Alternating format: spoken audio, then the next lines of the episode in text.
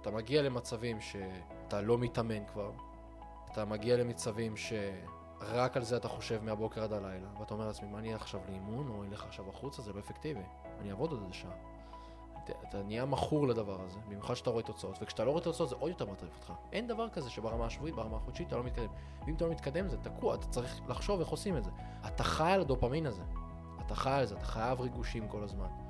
זה לא שזו הייתה הקריסה שלי ושם זה נגמר. האופי שלי אמר אין דבר כזה. אם עושים אז לוקחים הלוואות, מסדרים את זה. אבל אם השורש רקוב, מה תיקח הלוואות? מה זה יעזור לך? אז התחלתי להלוות מכל העולם. ואז אתה יודע מה קרה. בהתחלה היה קצת בוסט כזה, אתה חושב שאתה עוד פעם בעננים, ניצחת את העולם עוד פעם, עד שזה עוד פעם קורס. וואו. רק יש בעיה. שאתה בן 20 ו...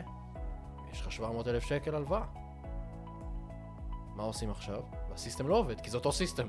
פשוט שילמת לאנשים שלך משכורות, אבל אז עוד, עוד, כל מה שלא עבד, ממשיך לא לעבוד. שום דבר פתאום לא משתנה. כי אני נשארתי אותו, אותו בן אדם, רק עם פלסטר עכשיו. וואו. על בעיה שורשית. אמרתי לעצמי, תשמע, איך אני לא יודע איך לצאת מזה.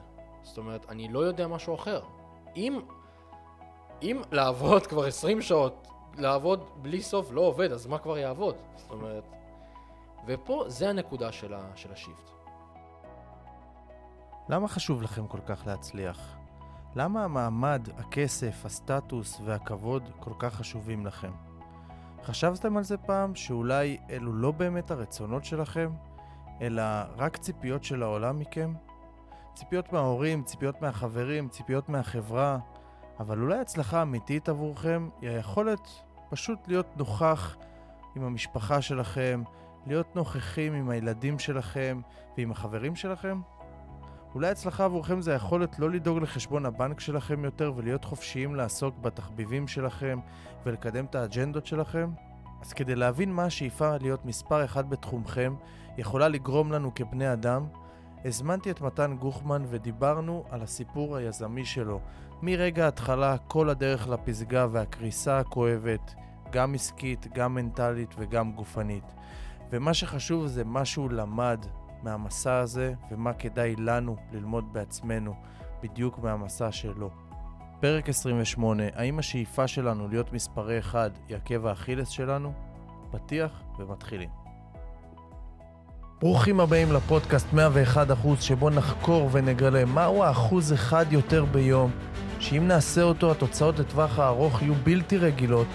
בכל פרק נדבר ונלמד על השיטות שלי ושל האנשים המצליחים בתחומם להשיג תוצאות יוצאות דופן מעשייה מתמדת ובלתי מתפשרת.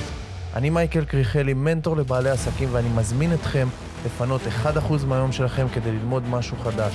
מוכנים? יוצאים לדרך.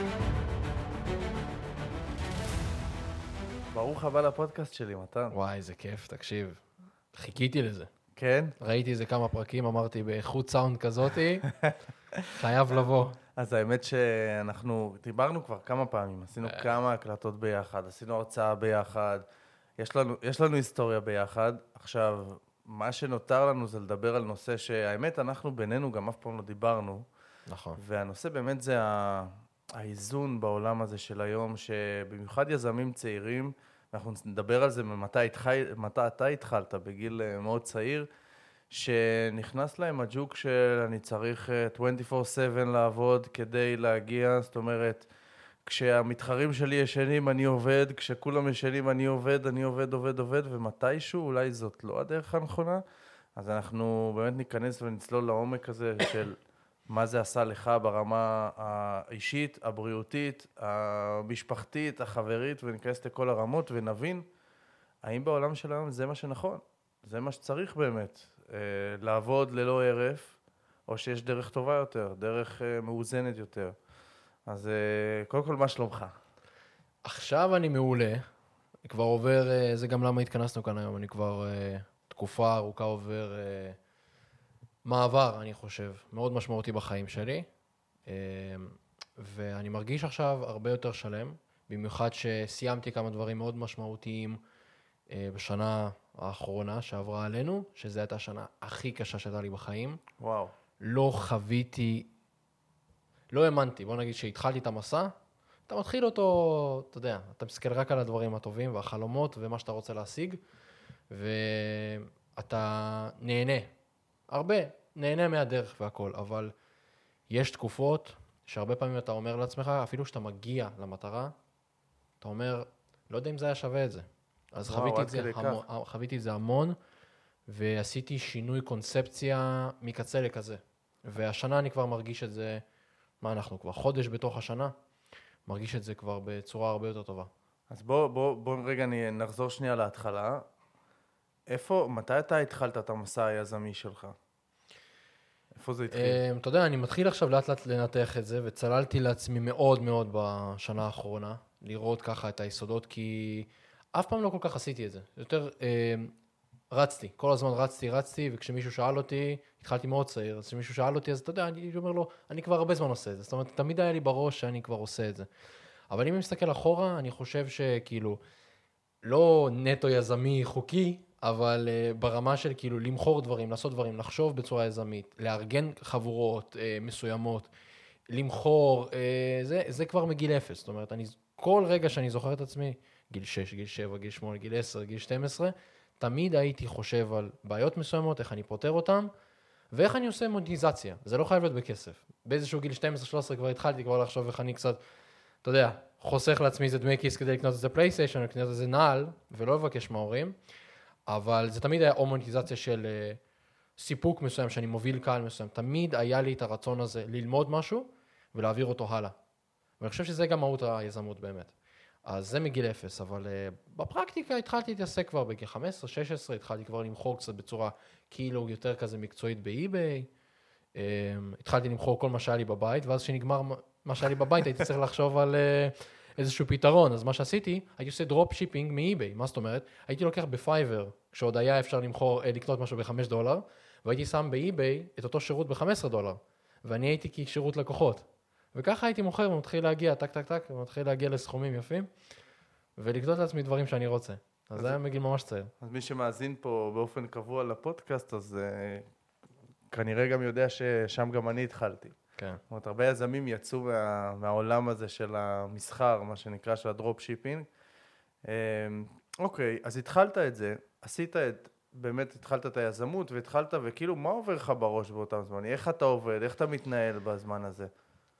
אמ, כשאני מנתח את האופי שלי, ואני לא יודע אם זה אופי יזמי, אני פשוט יודע עליי הרבה דברים, ואני גם לומד הרבה, על הרבה אנשים אחרים, אבל עליי, אני חייב לשחות נגד הזרם. אוקיי. אני לא מקבל, אני, אתה יודע, אמרתי את זה לאחרונה לחברים שלי, יש לי איזה מונח שאני משתמש בו, אני חייב לערער את המוסכמות.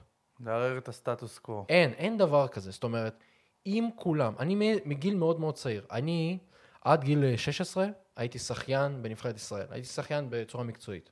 זה החלום שלי היה, להיות שחיין ברמה הכי גבוהה. וכבר מאותו רגע, כבר בתוך שגרת האימונים, הבנתי, אה, אני מסתכל על ה top, בסדר? ואני הייתי אולי ב top 3, ואז ירדתי ל top 5, top 6. תמיד הייתי איפשהו ככה בשמינייה הראשונה, מגיע לגמרים. הגמרים זה מ-1 עד 8. מה הראשון, למה כשהייתי בגיל 12-13 הייתי מקום שלישי או שני, ועכשיו אני מקום 6 בגיל 14-15. הבנתי שמשהו בקונספציה, באימונים, משהו אני לא עושה נכון. וכבר מאותו רגע כבר התחיל המרד הזה מול איזשהו משהו מקצועי. התחלתי להתאמן בצורה שונה, שיניתי סגנונות, אמרתי אני חייב להתאמן כוח, חייב ללכת לחדר כושר, חייב לגדול, והמאמן שלי אמר לא, לא נכון. פה התחיל כבר איזשהו קונפליקט מסוים. זאת אומרת, ואני רואה את זה בכל מקום. אני אומר, אין מצב, העילית הם אף פעם, אנחנו מדברים על האחוז אחד בפודקאסט הזה, בסוף האחוז אחד האלה מייצר 99% מתוצאות בכל דבר. אין מה לעשות. השיאני עולם, או האנשי עסקים הכי גדולים, או לא משנה מה, הם מייצרים 99% מתוצאות. אין מצב שהם עושים מה שכולם עושים. הם ממציאים את הקונספציה, הם ממציאים את הדרך, בדרך כלל. כי הם חווים משהו שהוא שונה, הם, יצירתיים יותר, הם מסתכלים בצורה שונה על הדברים. מה שבא לך, זאת אומרת, מה שבא לנו בטבעיות, הרבה פעמים הוא לא נכון.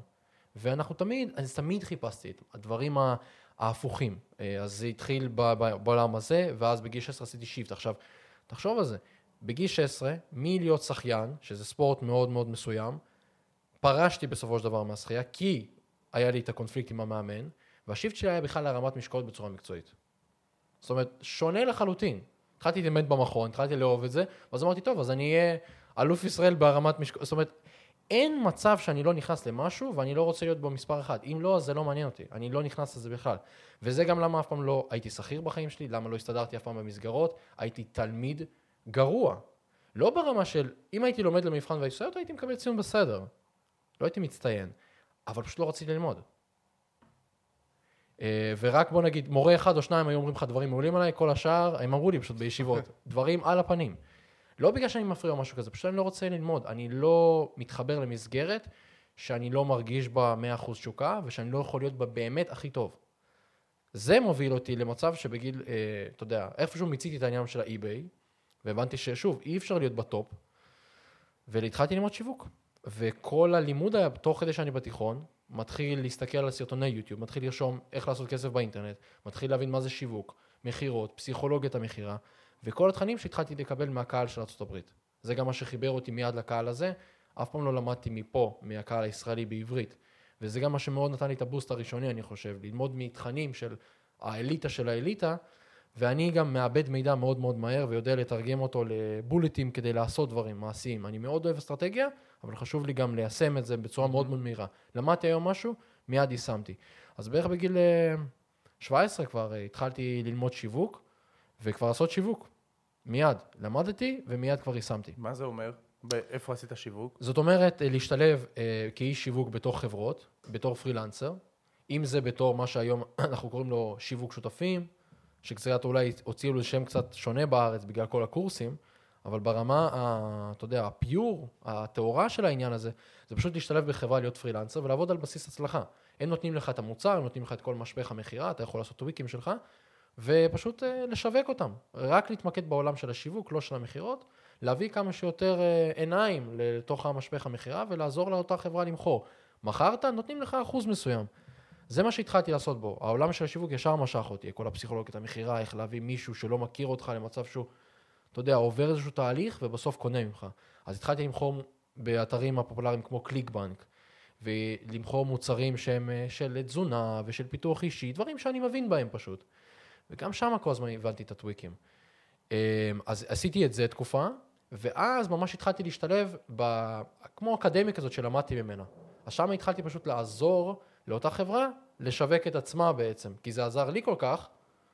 לא קניתי כאילו קורס... ליבת, אז כאילו לימדת אותם איך שהם ישווקו כבר. יפה, אז אני לא לימדתי בעצמי, אלא המשכתי, זאת אומרת, אני עברתי אה, אה, קורס מסוים והצלחתי בו, הצלחתי בו לייצר תוצאות, ואז אמרתי, אוקיי, אני יכול להמשיך לעשות את זה, או פשוט להשתלב בחברה שבה למדתי, ולעזור להם פשוט בשיווק, ולהביא להם עוד, אה, עוד אנשים. אז זה, וזה היה רגע הפריצה שלי, למה? כי גם שמה, זה אותו קונספט, הסתכלתי על המאה המשווקים הכי טובים באותה חברה. התחלתי לעשות שיווק ואמרתי, אוקיי, מה אני רואה? אני רואה שמצד אחד יש לאנשים brand מאוד גדול ורשימות תפוצה, ואני לא יכול לעקוף אותם, כי כמה זמן זה לוקח לעשות? שנים. ומצד שני, אני רואה עוד אנשים בלי brand ואיך שהם עושים את זה. אז אמרתי, אני חייב לעשות משהו. המרד, הנה עוד מרד בתוך החברה. אם אומרים לך לשווק, אמרתי, אין מצב. אני עושה משהו יצירתי. מה שעשיתי זה, אם כולם עכשיו עשו נטו מאחורי המסך, ישבו, שיווקו מפייסבוק, גוגל, לא משנה מה, לתוך המשפך מכירה, אני אמרתי, בדף נחיתה, שם, אם אתם רוצים, שימו מספר טלפון. וכשהם שמו מספר טלפון, אני התקשרתי אליהם. בתור 아, אה, ילד אוקיי. בגיל 17-18, וליוויתי אותם תוך כדי התהליך שאני בעצמי עברתי. ואז הצלחתי להתברג ממש למעלה. זאת אומרת, במקום שהם יקנו לבד, בדיוק. מה שכל שאר המשווקים עשו, אמרת, אני אוסיף פה, אוסיף פה לתהליך גם מכירה בטלפון. בדיוק. וזה היה הפעם הראשונה שלקחתי את המכירות לידיים והבנתי את הכוח. אה, וזה עוד היה הקונספט של המרד הזה, זאת אומרת, יש פה איזה משהו שהוא כל הזמן לבוא ולעשות נגד הזרם, אפילו שאני כבר במסגרת שאני פרילנסר, אפילו שכולם כבר עצמאים, אין מצב, גם פה, אין מצב שהראשונים, הם לא חושבים על דברים שהם, אתה יודע, מחוץ לקופסה, וזה גם מביא לי תוצאות ממש טובות, ושם גם התחלתי ללמוד מכירות. אז אתה יודע, אני בתור ילד בחדר, כבר לא הולך לבית ספר, עושה שיחות בלילה, ביי ביי לבית ספר, אתה יודע. אמ, זאת אומרת, לא סיימת בית ספר? לא סיימתי בית ספר. וואלה. יש לי 12 שנות לימוד, אבל אין לי בגרות. אוקיי. לא סיימתי, פשוט לא באתי יותר לתיכון. עשיתי משהו בשביל ההורים שלי, אתה יודע, איזה מתמטיקה או משהו כזה, וזהו. אמ, ובאותו רגע הבנתי שזהו, זה מה שאני רוצה להתעסק בו. ואז, ובאמת, המסע התחיל משם. מאותו רגע, נונסטופ. אפס חופשות. כמובן יש לי את ההתקדמות האישית שלי, ובסוף פתחתי סוכנות, ועד שהגענו להתגלגלות של היום, אבל מאותו רגע היה לי בעצם, זה, זה נונסטופ, זה כבר כמה, שתשע שנים, נונסטופ. מה זה אומר נונסטופ? כאילו, מה, מה, מה, אוקיי, מהנונסטופ הזה, מה הצלחת לבנות? אה, היום אנחנו מנהלים את חברת O7 Capital, שזו החברה המרכזית. אה, אנחנו עוזרים לחברות ההשקעה הכי גדולות בעולם להגיע לעסקאות ענק. זאת אומרת, מאנשים שמכירים את עולם ההשקעה, ג'יי פי מורגן והבלקסטונים של העולם, שזה חברות, הקרנות הכי גדולות בעולם שמנהלות טריליונים של דולרים, עד לחברות בינוניות גדולות שמנהלות מיל, מאות, מאות מיליונים של אה, דולרים, אה, ומיליארדים כמובן. אה, אז אנחנו עוזרים להם בכל תהליך מציאת הנכס, ושוב, זה דורש שיווק ישיר, מכירה. יש לנו צוות של מעל 50 אנשים בארצות הברית, משרד בדאלאס, טקסס. אמ-המ. אני כבר תקופה לא שמה, גם בגלל, ה... בעיקר בגלל הפן הבריאותי, שחזרתי לארץ. שאנחנו תכף ניכנס ונדבר עליו. לגמרי, אה, וזה גם עוד shift, ולמדתי גם מהארץ איך לנהל את כל זה בשלט רחוק, ושהעסק לא חייב אותי בפנים. וזה נונסטופ, זאת אומרת, זה לשים את הדבר הזה בסדר עדיפות ראשונה, אבל ראשונה ברמה ממש פסיכוטית, הייתי קורא לזה. מה זה אומר, מה זה אומר מבחינתך עכשיו, ש, שזה אין חופשות? כאילו, אם עולה התהייה, אולי נצא לחופשה, מה, מה אתה מרגיש? אני מרגיש, אין, תראה, זה התחיל כבר בגיל, כשכבר התחלתי לקבל תוצאות, והתחלתי להבין מה זה עניין של פרודקטיביות, וזה שזמן שווה כסף בסופו של דבר, ואם אני אשקיע יותר זמן, במיוחד בהתחלה, אם אתה משקיע יותר זמן ואתה זה העסק, אז ככל שתשקיע יותר זמן, מבחינה לוגית אתה יכול לקבל יותר תוצאות. כמו שאמרנו בהתחלה, כשאנשים יושנים, ישנים, אתה עובד, אז אתה כאילו, יש לך את השעון הזה, אתה יכול לעבוד 20 שעות ביום, 21, לא לישון, כן לישון, לילות לבנים, זאת אומרת, במיוחד שזה כזה, אתה רוצה ללכת לשם כי גם אתה גר בארץ ואתה עובד עם האמריקאים, אז קל לך כזה לעשות את זה, אז כאילו יש לך את התירוצים הזה, אה, אני אעשה עוד לילה לבן, אני עושה את זה בשביל עצמי, בשביל העתיד שלי. שתבין, כאילו, היה לי, היה לי אחלה של, אה, של חברים, באמת, כאילו, היה לי אנשים מאוד מאוד איכותיים, ולאט לאט אתה מתחיל להתנתק מהם, אז במקום להיפגש איתם פעם בשבוע, כמו שעשית בתיכון, אז אתה נפגש איתם פעם בחודש, ואז פעם בשלושה חודשים, ואז פעם בחצי שנה. וגם כשאתה נפגש איתם, שתבין, אני יושב, סתם, הזמין אותי ליום הולדת, אתה יושב, מה אני חושב לעצמי? וזה, אתה יודע, הרגעים שאני עכשיו קולט, מה קרה? ואני אומר לעצמי, למה אני פה? למה אני לא, כאילו, זה זמן שאני יכול לעשות עוד, להגדיל עוד את החברה. נכון, זה אחד. ומצד שני, גם עולה לי דברים שאף פעם לא היה לי, אגו. התקדמתי, מי אתה? וואו, זה... זה, נגיד, כשהגעתי למשברים כאלה, אמרתי לעצמי, וואו, זה לא אני, רגע, שנייה, זה... כאילו, אתה איפשהו מאבד את עצמך במסע הזה. לגמרי. כאילו, אתה מאבד את הענבה שלך, מאבד את המקום של זה שאני מצליח יותר, מצליח, כן? אבל זה שאני מצליח כלכלית יותר, נגיד, זה לא אומר ש... או הצלחתי לפצח משהו. זה לא, כן, אבל זה לא אומר שאני שווה יותר מה, מהחבר שלי שאולי היום לא מצליח כלכלית. זה לא, זה לא מדד. אז היה לי שיחה מאוד קשה בגיל 18-19 עם חבר ממש טוב. ואמרתי לו, תשמע, אני חושב שכאילו איבדתי את זה. אני באמת הולך ברחוב, ואני איכשהו מספר לעצמי שאף אחד, כאילו, I'm the shit. כאילו ברמה של כאילו, אתה יודע, אני חושב שזה הגיע ממקום של, אתה יודע, אני... הוכחה לאנשים אחרים, מה אני שווה. כי אמרו לי, תלמד, ואמרו לי, זה לא יצא, ולמה אתה לוקח סיכונים, וזה לא יצליח. ובבית ספר אמרו, לא יצא ממך כלום, והמנהל שלי אמר לי, בלי בגרות לא יצא ממך כלום. מלא דברים. המורה שלי בכלל, אני זוכר, לא זוכר לאיזה שיעור, אבל אמרה לי שכאילו, עדיף לך ללכת לבית ספר למקצועות, כאילו, אתה יודע, ללמוד נגרות או משהו, או חשמלאות. וזה בער בי. להוכיח כאילו, לכולם. מי, מי אתם בכלל? אני אראה לכם אחרת. בדיוק. ואז אתה יודע, ואתה, וכבר זהו, המסע שלך כבר נגמר, אתה כבר שכחת איך קוראים להם, ואיפשהו זה יושב לך להוכיח לכולם מי אתה. אז כשאתה מגיע למשהו קטן, אתה רוצה לבוא ולצעוק לכולם. הנה אני, הנה הגעתי, מי אתם? בלי בגרות, בלי זה, הגעתי. עשיתי. בלי אנגלית, בלי זה, פה, פה, למדתי בעצמי הכל, לא צריך אף אחד. עכשיו, בסדר, אם זה לאנשים שמאוד רחוקים ממך, נגיד מורה וזה, בסדר. אבל תחשוב, זה חברים קרובים, זה משפחה גם, וזה מאוד משפיע. וגם כשאתה מקריב כל כך, ואתה עובד 20 שעות, 24, אתה יודע, אתה לא יוצא החוצה. אתה כל היום בעבודה.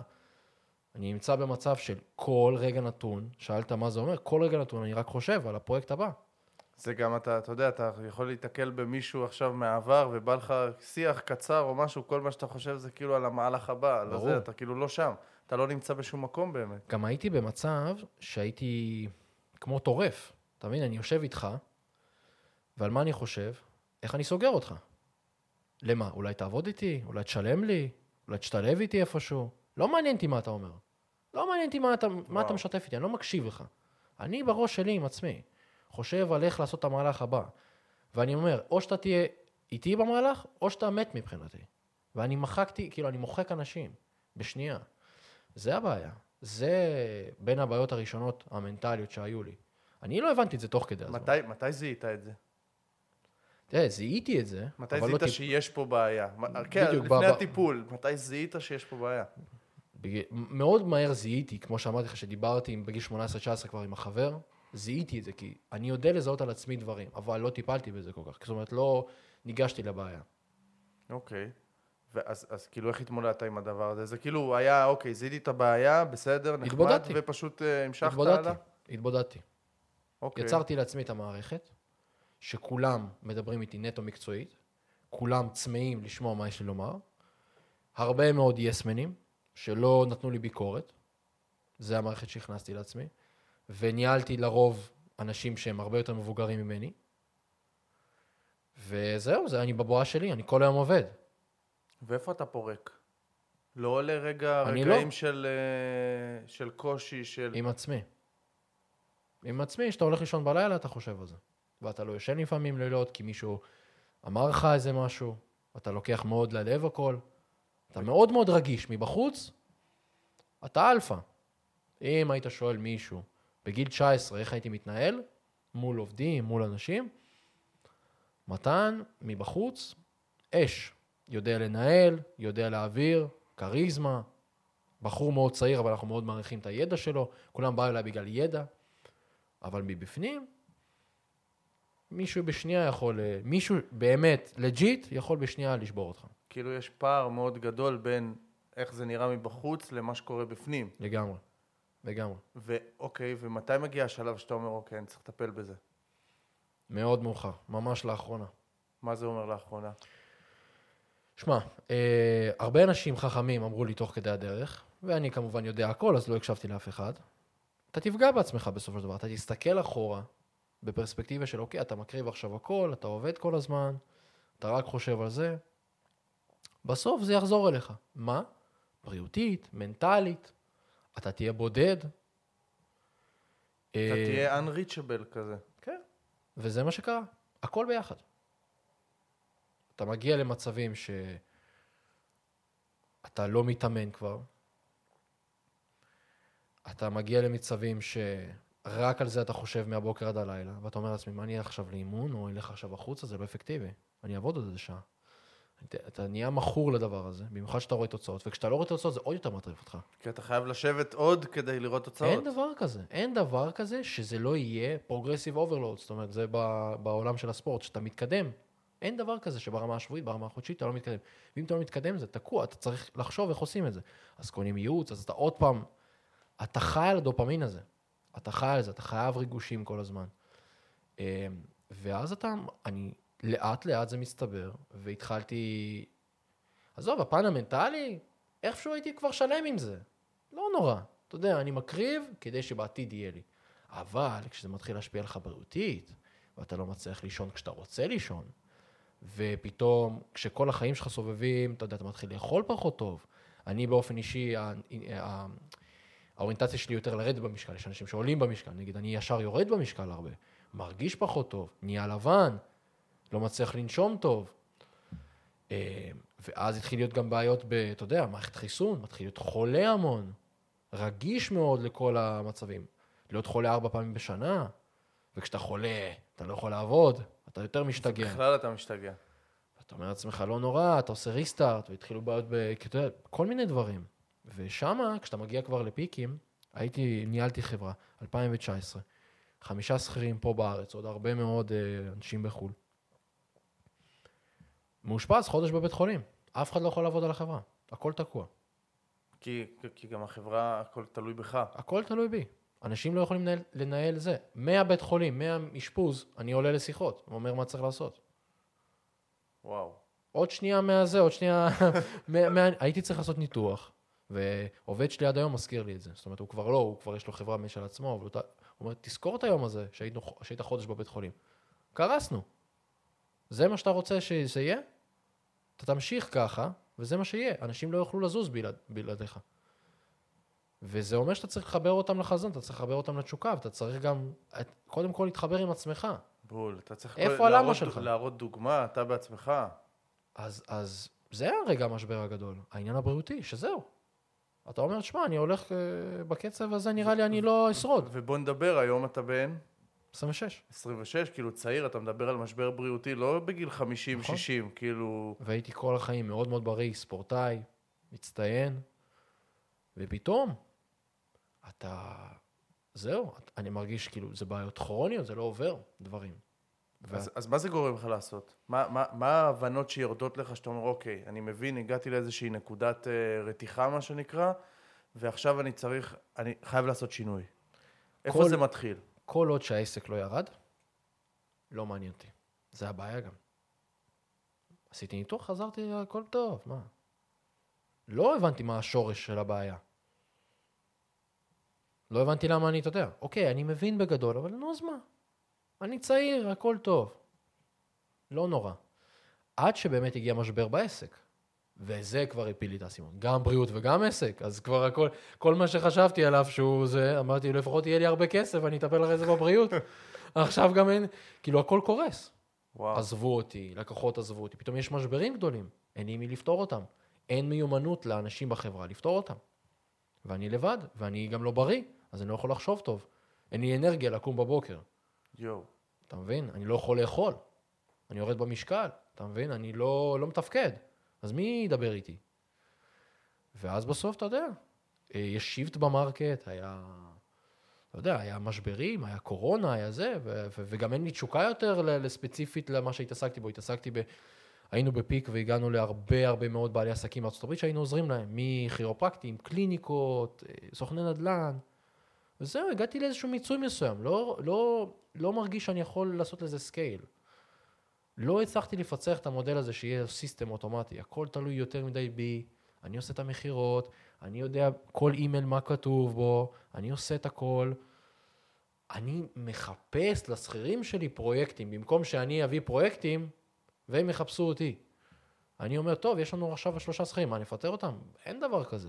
נמצא להם פה עבודה, שם עבודה, שום mm. דבר לא בחזון אחד. וזה רגע משבר מאוד גדול, והיה לי כאלה שנתיים, שנתיים וחצי שלא מצאתי את עצמי. וואו. קודם כל אני חייב להגיד שזה זה מדהים בעיניי הפתיחות. לא הכרתי את הצד הזה בך. כאילו, אנחנו מכירים הרבה זמן, כן. ודיברנו הרבה וזה, וכמו שאמרת, דיברנו המון עסקי. לא הכרתי את הצד הזה בך, וברגע ש... כאילו, אני מזהה את זה, אני גם בעצמי בתהליך של הרבה יותר פתיחות, הרבה יותר אותנטיות, הרבה יותר להוציא את ה...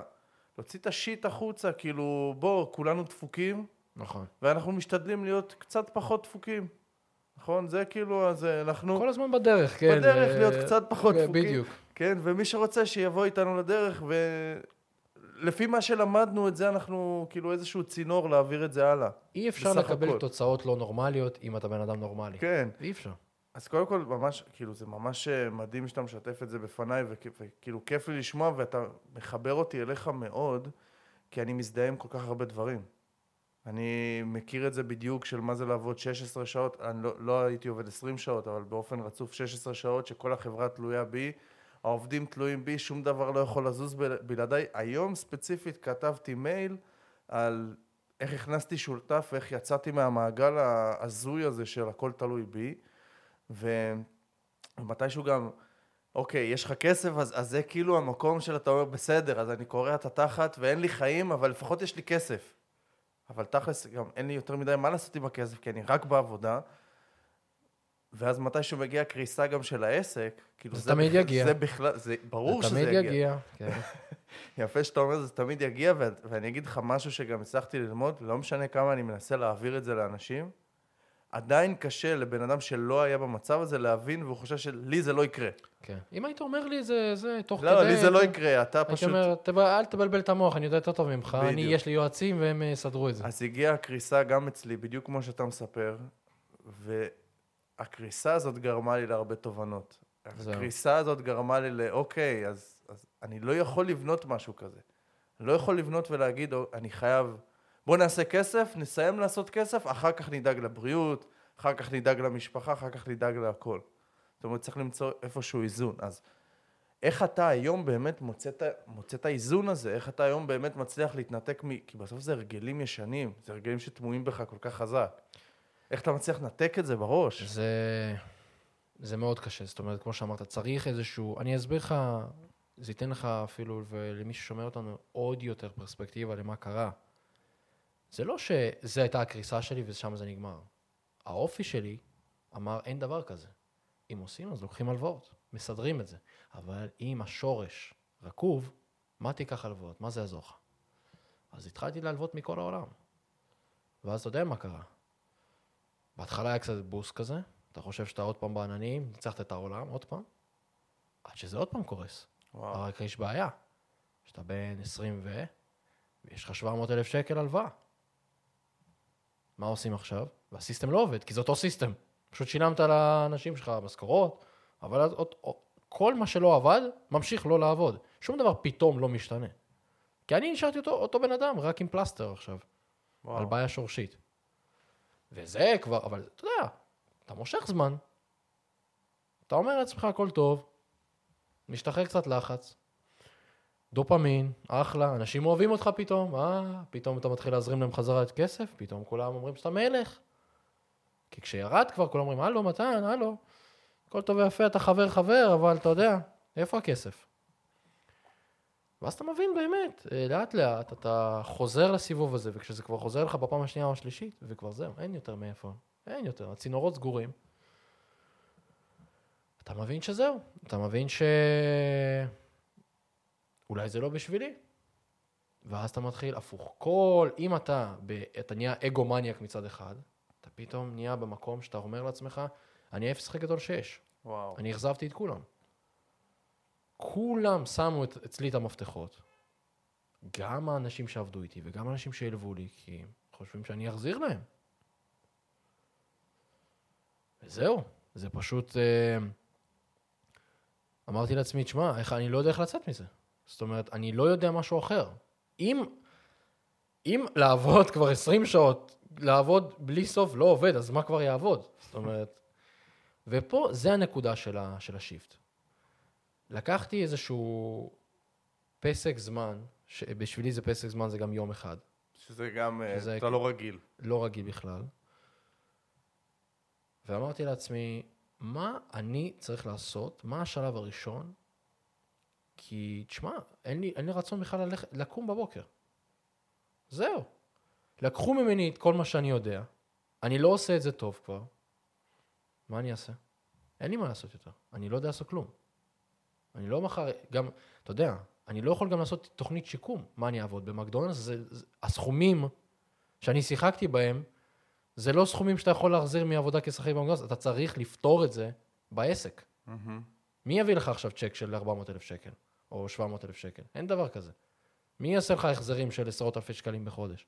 איפה תחזיר את זה? אין דבר כזה. פעם ראשונה שחשבתי, מה זה פשיטת רגל? הלכתי, התייעצתי, מה זה אומר? מה זה אומר עליי? מה זה אומר על כל מה שעשיתי? מה זה יעשה לי בעתיד, אם זה יקרה?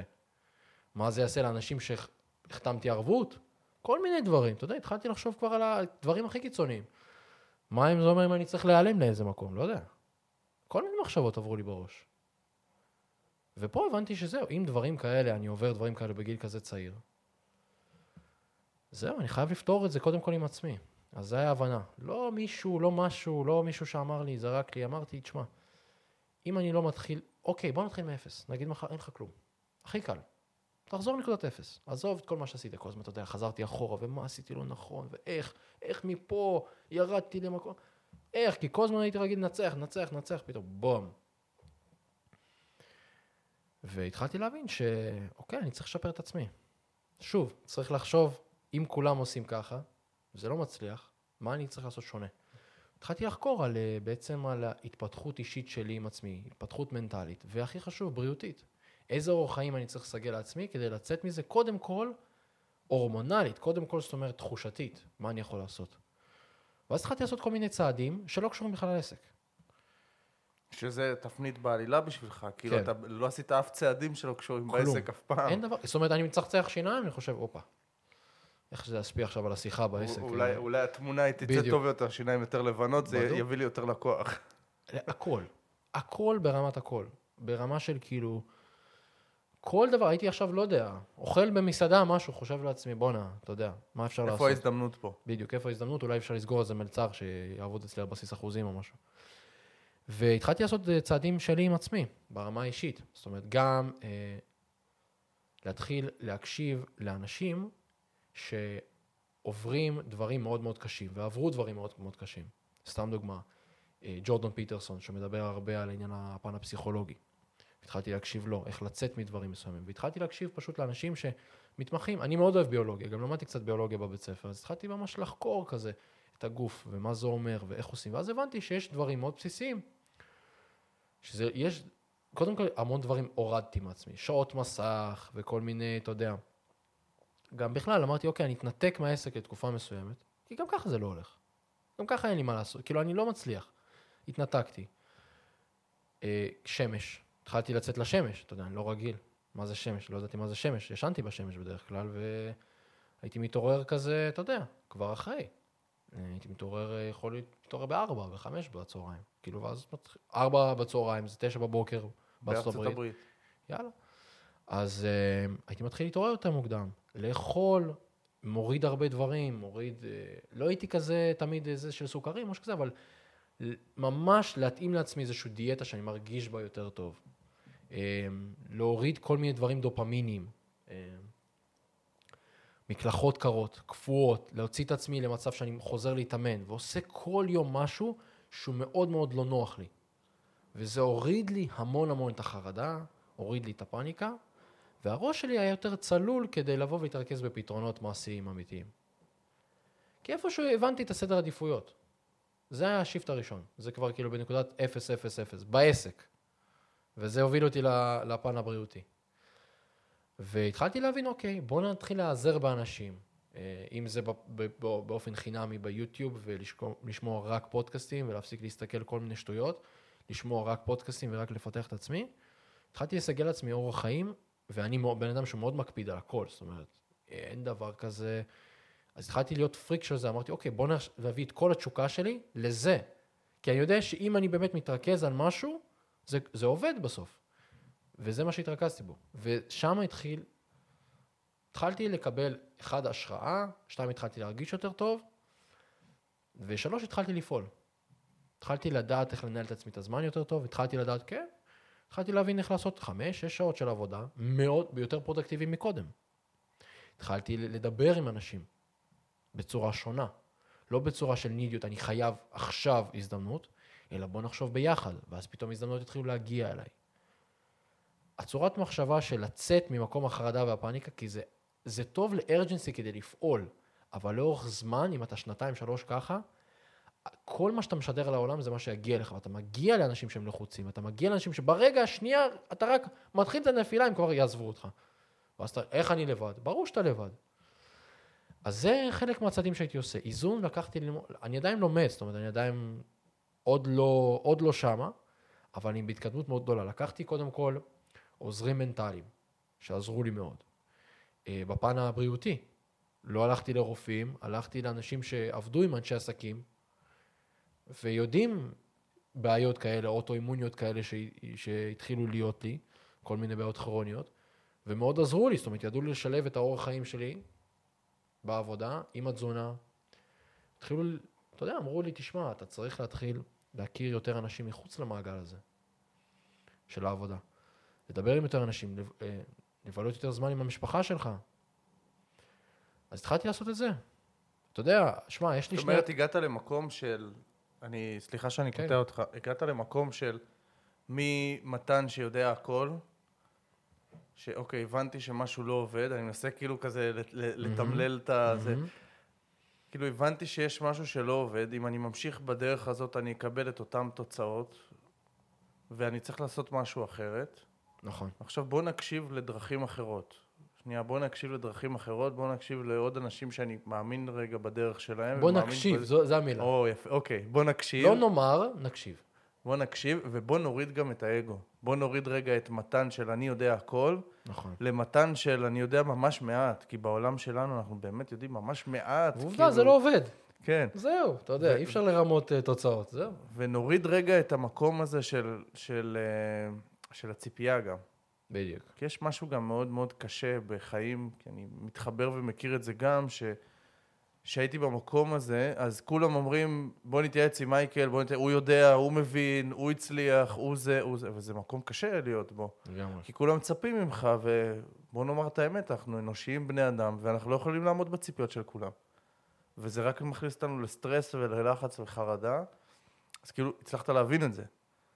ואז ברגע שאתה יורד, מה, מה ההרגשה? כאילו, שאתה... מה, מה ההרגשה הכללית? הרגשה של אה, איזשהו ריליף כזה מטורף, שכאילו זהו, לא חייב יותר לאף אחד שום דבר. אני יכול להיות כאילו, אני לא צריך לעמוד בציפיות של אף אחד. לא צריך לעמוד ולא צריך, אתה יודע, כל שיחת סגירה, זה בסופו של דבר איזושהי הצגה, פרפורמנס מסוים, אתה נכנס לדמות, אתה רוצה להעביר מסר מסוים, אתה לא עכשיו מדבר אה, ככה עם בן אדם שאתה רוצה לסגור. האנרגיה שאתה, שאתה משקיע בכל הדבר הזה, ופה, it is what it is. הולך לאנשים הקרובים ואומר להם מה המצב, איך שזה, משחרר לגמרי. ואתה גם רואה מי נשאר איתך ברגעים האלה. והם יודע, יודעים לבוא ולבוא ואתה יודע, לפתור איתך בעיות. וגם, עוד פעם, זה היופי, לא רק בביזנס. אתה יודע, יש לי שני אחיינים. אחותי גדולה ממני ב-11 שנים. יש לי שני אחיינים, בני 10 ו-9. לא ראיתי אותם בכלל. וואו. הם גם גרים רחוק. אני גם עד הקורונה טיילתי הרבה, אה, אבל הם גרים רחוק. לא נוסע אליהם. הייתי יכול חמש-שש שנים לא לנסוע אליהם. הם היו לפעמים, אתה יודע, נוסעים אלינו, אליי, כאילו, קרוב אליי, נפגשים. כל שנה, כמה פעמים, אבל... לא, לא, אתה יודע, הייתי יכול הרבה לא היית יותר. חלק מהחיים שלהם. לא, בכלל לא. ואני מאוד כאילו מתגעגע ומאוד רוצה, אבל יש עבודה, אי אפשר לנסוע. וסתם, אתה יודע, אתה פתאום אה, לוקח אותם סתם, לקחתי אותם לא מזמן, לפני איזה חצי שנה, לסופרלנד, פה לראשון. מדהים, כל היום הייתי איתם, רק אני איתם. איזה, איזה הנאה, אתה יודע, משפחה. והרגשתי כאילו שהם, אתה יודע, ובסוף האחיין שלי בא ואומר לי, מתן, בוא תעשה את זה, תביא אותי עוד פעם לאנשהו, תעשה את זה איתי יותר, כאילו, רואה, דוד שלו, רוצה את זה. כן, רוצה את זה. אני לא, אין לי אחים קטנים. אני תמיד הייתי רוצה איזה אח קטן, אתה יודע, לחנך אותו, זה. אין לי ילדים עדיין. וזה היה כאילו מדהים, הייתי רוצה לעשות את זה הרבה יותר עכשיו. שם לעצמי כ- כמטרה, לעשות את זה כמה פעמים. אני רואה גם, אחד, כמה הם נהנים וכמה הם זקוקים לזה, ואיזה פידבק אני מקבל. ושתיים, כאילו, זה השחרור הזה. המטרה שלי נהייתה שונה. אתה יודע, מה שדיברנו לפני הפודקאסט. היא כבר לא נהיית, אתה יודע, אם היית שואל אותי לפני חמש שנים מה החלום, משרד עשר אלף עובדים. אני בא כמו ג'ורדן בלפורד, צועק על כל המשרד, כולם משתל... משתוללים שם. אני אליל. זה איזשהו מסע כזה של להוכיח לכולם מי אתה, מה אתה, שכולם יראו, שאחרי זה ההורים שלי יראו מה עשיתי. אבל כשאתה למטה ואתה מבין, מה כל זה, מי אכפת בכלל ממך? זה בכלל לא מעניין אותך. מי, אכ- אחד, למי מי חושב עליך בכלל? מה, אף אחד לא הולך בלילה לישון ואומר, מתן, מה הוא עשה, מה, הוא- מה אכפת להם? כולם מתעסקים בעצמם, ואתה רק כל הזמן חושבים עליי, מה יעשו לי, וכמה, להראות כמה גדול, כמה זה, מה אכפת? כשאתה מתרכז נטו בעצמך ובהצלחה שלך, אתה פתאום מביא לך, לך אנשים שאשכרה מתחברים למסע שלך ולחזון שלך ולך בצורה אמיתית, ולא, ברור, מבחינה עסקית אתה, אתה מתחיל לעלות, אז כולם ירצו, אתה יודע, יש לך קהילה של איקס אנשים, כמו אנטולי מיודדנו, או פונים אליו כולם, כי כולם רוצים, אתה יודע, יש להם אינטרסים למנף את זה. אבל בסוף נגיד אני בקשר ממש ממש טוב עם אנטולי, איך? נטו בפן, בפן האישי, כי התחברתי אליו והוא התחבר אליי, כי אנחנו רואים, יש לנו הרבה ערכים משותפים. עושים שיתופי פעולה וזה, אבל זה לא, הנה, כמו שאמרת, אין לי ציפייה ממנו. פעם, כל בן שאתה מדבר איתו, נו, הוא הבטיח לי, מה, למה הוא לא עושה? למה הוא אמר שהוא ישלח לי מישהו והוא לא שולח לי? שמתי את כל העסק עליו, איך זה ככה? כשאתה משחרר את זה, זה בא מהמקום הזה, אתה יודע, ואז יש לך תחושת הקלה מטורפת, ואני היום שם את זה בלוז. אם זה יותר, פשוט יותר קל לי, אתה יודע, שם את זה בלו"ז. יום שבת נוסע, יום זה נוסע, יום שלישי, הנה, היום אני יכול לקחת, היום יום חול, לאמא שלי יש יום הולדת, לוקח אותה ליום כיף.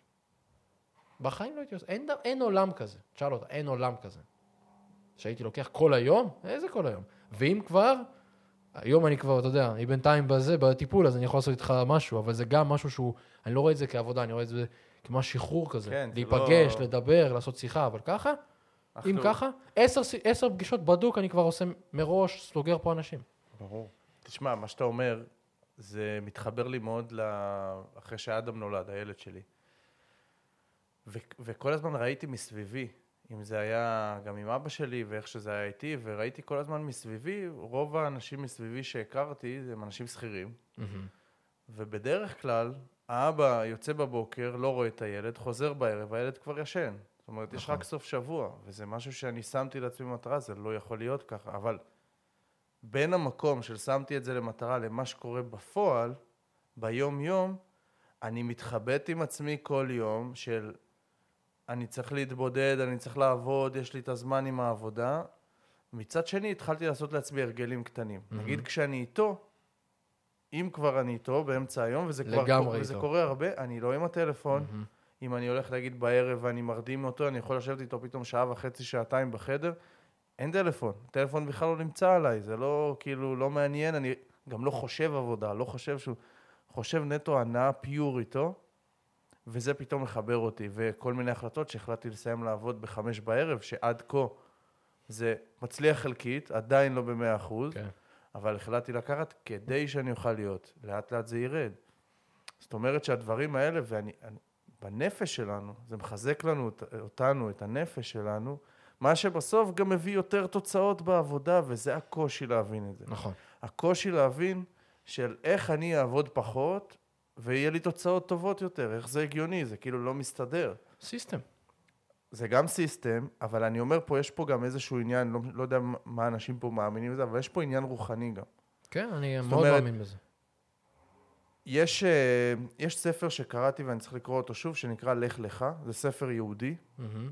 לא יודע מי מתחבר, מי לא מתחבר, אבל מדברים שם על זה שיש לנו כמה תחומי חיים, ולעולם אנחנו לא יכולים להשקיע בתחום אחד רק בחיים, ולעשות אותו הכי חזק, ויהיה לנו טוב. כן. זאת אומרת, אתה חייב, זה הדבר הנכון, זה להשקיע בכל תחומי החיים. איך עושים את זה? זה מורכב. קשה להשקיע בזוגיות, עם הילדים, נכון. בעבודה, עם המשפחה, אה, כל, בסוף זה אתה עמוס. מקריב משהו. בסוף אתה עושה סדר עדיפויות אבל אני מאמין, ש... משהו. אני מאמין שלאט לאט אפשר לבנות, אם אתה שואף לשם של איך אני באמת יוצר את הדבר הזה, ואתה חוקר איך להגיע לזה, אם אתה... אני שמתי לעצמי את זה ליעד, זאת אומרת ליעד של חמש שעות עבודה בשבוע, מהמם. זאת אומרת שיהיה לי זמן לכל שאר הדברים, לתחביבים שלי, כי פעם היה לי הרבה יותר תחביבים. היה לי תחביב של נגרות, הייתי יכול וואו. יומיים באמצע שבוע, בזמן שיש עבודה וכל העסק וכל החברה, כאילו העובדים וזה, כולם על הדברים, המשקיעים מתקשרים, אז זה, כולם כאילו... אני בונה ספה עכשיו, אני בונה ארון, עזבו אותי. הגדול. אני בלי הטלפון, אני לבד בקטע שלי שעות משקיע על זה, והיום יש לי את זה פחות. ואני יודע שלהשקיע בתחביבים זה בונה אותך מבפנים, זה גם בונה לך טוב יותר את העסק בסוף. אתה נהיה הרבה יותר יעיל. אז אה, זה לגמרי שינוי שכאילו חייב לעשות, וככה לפני סיום. איך, איך אתה חושב שאפשר לחשוב על uh, באמת להגיע למצב כזה, להגיע למצב של לא להגיע לקריסה טוטאלית, כמו שאתה סיפרת שהגעת, בשביל שתהיה לך את ההערה הזאת. אם אתה חוזר אחורה היום, כן. האם יש לך דרך כאילו להימנע מהקריסה הטוטאלית הזאת ולהגיד, אוקיי, אני עושה שינוי? אם, אם, אתה, קשה, מנסה, אם נכון. אתה מנסה רגע לייעץ למתן שלפני כמה שנים, איך, איך, כאילו, יודע, איך היית עושה בגלל את זה? שאני מכיר את הבחורצ'יק. כן, קצת. אני יודע שהוא לא היה מקשיב לאף אחד ולשום דבר. הוא כנראה, אני כנראה הייתי צריך לעבור את זה באיזשהו מקום. שמע, אה, אני מכיר הרבה מאוד, אה, אני פשוט בן אדם שהמהות שלי זה לקחת סיכונים מאוד גדולים. אתה יודע, יזמות באופן כללי יש פה לקיחת סיכונים, אבל אתה רואה הרבה מאוד יזמים שממש עברו שלב, שלב, שלב, שלב, שלב, והתקדמו לתוצאות מאוד מאוד טובות. אני אין לי את הדברים האלה, אני כל דבר מסתכל ברמה של שחור או לבן, שזה גם אני עכשיו לאט לאט מתחיל לפתח לי את היכולות לא לעשות את זה. ואצלי הכל מאוד מאוד קיצוני. אמ, אז זה גם מה שהביא אותי לתוצאות בסופו של יום, ואת הבסיס שצברתי כדי לעשות מה שאני עושה בשלוש-ארבע שנים האחרונות בצורה מאוד מאוד טובה, וממש בשנתיים האחרונות שחידדתי את זה יותר והתמקדתי. שמע, אני אגיד לך מה, מה לי היה מאוד עוזר לפי דעתי, זה עניין של אה, עד כמה שזה אה, איזושהי קלישאה, אבל כשאתה מבין באמת מה זה אומר, עניין של פוקוס. עכשיו, זה יעזור לך גם בפן המנטלי. למה? כי חלק מהסיבות לקריסות היו בגלל שהתעסקתי בהכל. כל מה שעולה לי בראש אני מנסה מחר. ואז אתה לוקח כל מיני אנשי צוות פה פה, ואתה מנהל במקביל מיליון דברים, אבל בפועל יש לך קצת מפה, קצת מפה, אבל אתה לא אקספרט בשום דבר. אתה לא known for this, אתה יודע, זה לא מייקל קריכלי, יועץ עסקי, מביא אותי לצמיחה של 10x בעסק שלי. לא. זה מייקל קריכלי, הוא גם עושה פאנלים, הוא גם עושה זה, הוא גם איש שיווק, הוא גם איש מכירות. אה, אתה רוצה גם איזשהו בניית צוותים, אני גם אעשה לך את זה. זאת אומרת, עשיתי הכל מהכל מהכל. יכול להיות שזה המסע שהייתי צריך לעשות כדי להתקדם. עד שלקחתי בעצם ייעוץ ברמה העסקית, כשהגעתי לאיזשהו פלטו מסוים, תוך כדי התהליך השיקום שלי, והוא אמר לי, תשמע, בוא נעשי את סט היכולות שלך מצד ימין, את החברות שעבדת מצד שמאל, ונתחיל לתאם בעצם מי האבטר המדויק שלך, מי אתה רוצה, ומה היכולת שאתה רוצה להתאים לו, ואיפה הכי הרבה אתה יכול להביא ערך לשוק. זה משהו שאם הייתי עושה אותו מגיל 18, 19, 20, בטוח שהיה לי הרבה יותר קל ברמה העסקית. ברמה העסקית, אבל האם העסקית. זה היה מונע ממך את החוסר איזון? האם זה היה גורם לך יותר להשקיע בחיים האישיים, יותר לא. להשקיע ב... לא. זאת אומרת שאתה לא רואה היום עדיין, אין שום סיכוי. אתה לא רואה עדיין היום את הפתרון לבן אדם שהוא כמו מתן, אלא אתה אומר, חבר, אם אתה מאזין פה ואתה כמוני, כזה וורקהוליק כזה, תתכונן. תתכונן לקריסה, זה יבוא, אבל לפחות כרגע אתה יודע להגיד, אבל תדע שזה יכול להיות אולי הדבר הכי טוב שקרה לך. וזהו, אז מה שאני הייתי עושה, זה אולי מסכן פחות. Mm. אין בעיה, רוץ על מה שיש לך. רוץ על מה שיש לך. נגמר הכסף? נגמר הכסף. ואז אתה אומר, אוקיי, נקודת אפס במצב הזה. רוץ, תחזור לעבוד. אתה רוצה קריסה אמיתית מנטלית? כאילו, ממש, תחזור לעבוד במקדונלדס. תעבוד שם חצי שנה, תחסוך את זה. אני לא עשיתי את זה. יפה. אבל אז אתה תדע שלכל דבר, אתה יודע, לכל השלכה יש תוצאה. ספציפית, אני לא הייתי ממליץ לעצמי לעבור את זה עוד פעם.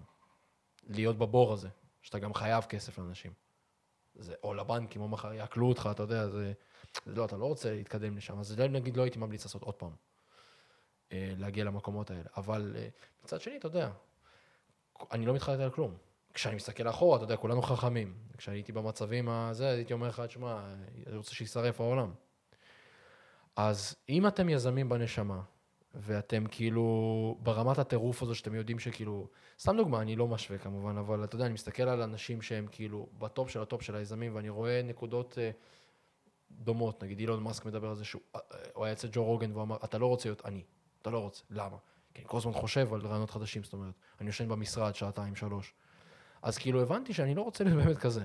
זאת אומרת, בסופו של דבר אני רואה את כל האנשי עסקים הכי מצליחים, אבל הם בקושי הולכים, או בקושי, אתה יודע, מתנשפים, או לא בריאים, אין להם, אה, יש להם בעיות במשפחה, גרושים, לא משנה, כאילו מיליון בעיות כאלה ואחרות. לא מקנא באף אחד יותר. מסתכל נטו על עצמי, אז יותר, לה, אז אתה יודע מה? הייתי אומר, תעבוד על עצמך חזק, מאוד, וזה מאוד יעזור לך מנטלית. זה להתאמן, זה לאכול, זה לבוא ולהכיר אנשים חדשים לא בעבודה כל הזמן, זה להיפגש עם יותר אנשים. תרחיב את המעגל שלך, אף פעם לא תדע. והחברים שיש לך, שמור אותם קרוב. אל, אל תאבד אותם. זאת אומרת, תמשיך לפתח את הקשר הזה כל הזמן, ואתה יודע, לטפטף שם כל הזמן מים, כדי שהצמח הזה יהיה בחיים. כי בסוף, מתי שאתה תצטרך אותם. מדהים. אני אוסיף פה רק עוד משהו אחד, ותהיה לומד נצחי כזה. נכון. הטעות, גם שלי, אני עברתי את זה גם, אני חושב שרוב האנשים עוברים את זה, אחת הטעות הגדולות זה לחשוב שאתה יודע הכל, שהשמש זורחת לך מהתחת, וכשאתה בהצלחה גבוהה שזה ימשיך עד אין סוף, אז אה, זה לא, זה יכול להיות, אולי, אני לא מכיר, אבל יכול להיות שגם זה לא יצליח, ותהיה מוכן באמת ופתוח וענב מספיק ללמוד. כי בטוח לאנשים יש מה לחדש לך, בטוח שאנשים... באמת מה להראות לך דרך קצת אחרת, להראות לך משהו אחר. וואו, מתן, תשמע, לא ציפיתי ל... לא, לא, קודם כל לא ציפיתי ל... לסופר כנות הזאת שלך, הכרתי בך צד אחר לגמרי, שאני כל כך שמח שהכרתי אותו. כל כך, אני רואה אותך באור אחר היום, ממה שראיתי ומה שזה, אני רואה אותך באור אחר, אני רואה אותך הרבה יותר קרוב, אליי לפחות, בסדר? לא יודע מה האחרים, הרבה יותר קרוב, וחייב להגיד לך תודה, באמת. היה מדהים. תודה, אני אני- ממש נהניתי להקשיב, ממש כאילו... חיממת לי את הלב, חיממת לי משהו, הרגשתי הזדהות כי עברתי דרך מאוד דומה. אז אני ממש חושב תודה. שכל אחד, אני חושב שכל אחד שלא עכשיו שנה, שנתיים, אלא כל אחד שעובר, אתה יודע, תקופה יפה של חמש, עשר, חמש עשרה שנים, הוא יעבור והוא עובר משהו עם עצמו. זה לא חייב להיות עכשיו איזו נפילה כלכלית מטורפת או משהו, אבל החיים, אתה יודע, בסוף דברים קורים ודברים משתנים, ויכול להיות שהקורונה הקריסה לך את העסק, יכול להיות שמיליון דברים, הלקוחות עזבו אותך. אה, לי היה מאוד חשוב לבוא, ואנשים שרואים אותי ועוקבים אחריי כבר תקופה, שנה וחצי, שנתיים, שלוש, אף פעם לא דיברתי על הדברים האלה. וידעתי מראש כבר שראיתי את הפודקאסט שלך, שיהיה לי הזדמנות לבוא ולעשות את זה ולשחרר, כי בפרויקטים שלי אני מדבר נטו מקצועי, והיית גם בהרצאה, מהמם. וראית על מה אני מדבר, ואנשים מאוד מצפים ממני לדבר מסוים, ואני אוהב את זה. אתה רואה עד כמה יש לי תשוקה לדבר על זה. פה אני מרגיש כאילו הרבה יותר כאילו רגוע ויכול להתחבר לעצמי באמת, ולספר, לא הכל ורוד, אבל אין לי מושג איך יצאתי מזה אגב. אם אתה תשאל אותי, אין, אין לי נוסחה. אולי יהיה לך בעתיד. אולי יהיה לי בעתיד. משהו קרה אצלי, דרך אגב, הנוסחה הזאת חשובה, כי אנשים צריכים את זה. אני לא יודע, אני מאוד רוצה לבוא ולנסח את זה, אבל בסוף האנשים הקרובים עזרו לי, ופתאום העסקאות שלא צריכות להיסגר. לא נסגרו, ומה שכן היה צריך להיסגר, רדפו אחריי. וזה שינה את כל הקונספציה, ופתאום עסקה גוללת עסקה, ופתאום אתה לומד להגיד המון לא, ודברים באים, ואתה פתאום, אתה יודע, יושב עם uh, חברה שמנהלת, אחד, אתה יודע, אתה לא יודע מה זה טריליון אפילו, אתה כותב את זה, אתה לא יודע אפילו מה זה אומר, והם מתנהלים, והם יושבים איתך ומתנהלים איתך ככה, מדברים איתך פתוח. ואומרים, כן, יש לנו בעיות כאלה, אתה יכול לעזור לנו? תגיד את זה למישהו, הם ישאלו, מה, אתה, מה, מה הם צריכים אותך? אז אתה, אתה אף פעם לא יודע לאן תגיע.